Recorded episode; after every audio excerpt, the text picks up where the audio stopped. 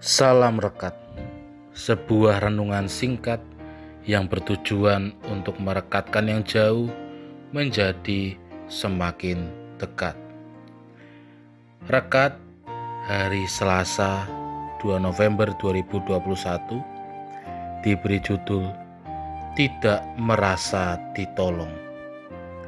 Rekat hari ini dilandasi firman Tuhan dari kisah para rasul pasal 7 ayat 17 sampai ayat 29.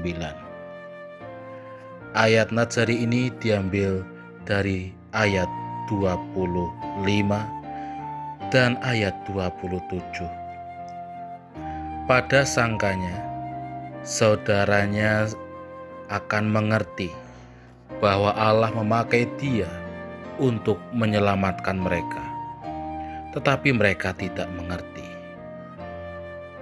ayat 27 tetapi orang yang berbuat salah kepada temannya itu menolak Musa dan berkata siapakah yang mengangkat engkau menjadi pemimpin dan hakim atas kami demikianlah firman Tuhan. Saudara yang terkasih di dalam Tuhan pada dasarnya kemampuan atau kesadaran seseorang untuk menolong orang lain itu perlu dilatih dan juga perlu dipelajari. Karena ternyata kemampuan untuk dapat memberikan dan juga menerima pertolongan itu ternyata tidak semudah yang dilihat. Ada orang yang justru merasa tidak mau ditolong. Mengapa? Ternyata orang yang ditolong dapat dilihat sebagai orang yang lemah karena ia membutuhkan pertolongan orang lain. Sedangkan orang yang menolong tampil sebagai pihak yang lebih kuat, yang lebih bisa menangani segala sesuatu. Selain itu, orang sulit menerima pertolongan dari orang lain adalah mereka tidak mau merasa berhutang budi. Dari kacamata ini, kita juga dapat melihat bagaimana kisah yang disampaikan oleh Stefanus tentang sejarah bangsa Israel, di mana ketika Musa yang hendak memberikan pertolongan kepada orang Israel justru ditolak. Dan bahkan mereka tidak sadar bahwa Allah memakai Musa untuk menolong umat Israel. Saudara yang terkasih di dalam Tuhan.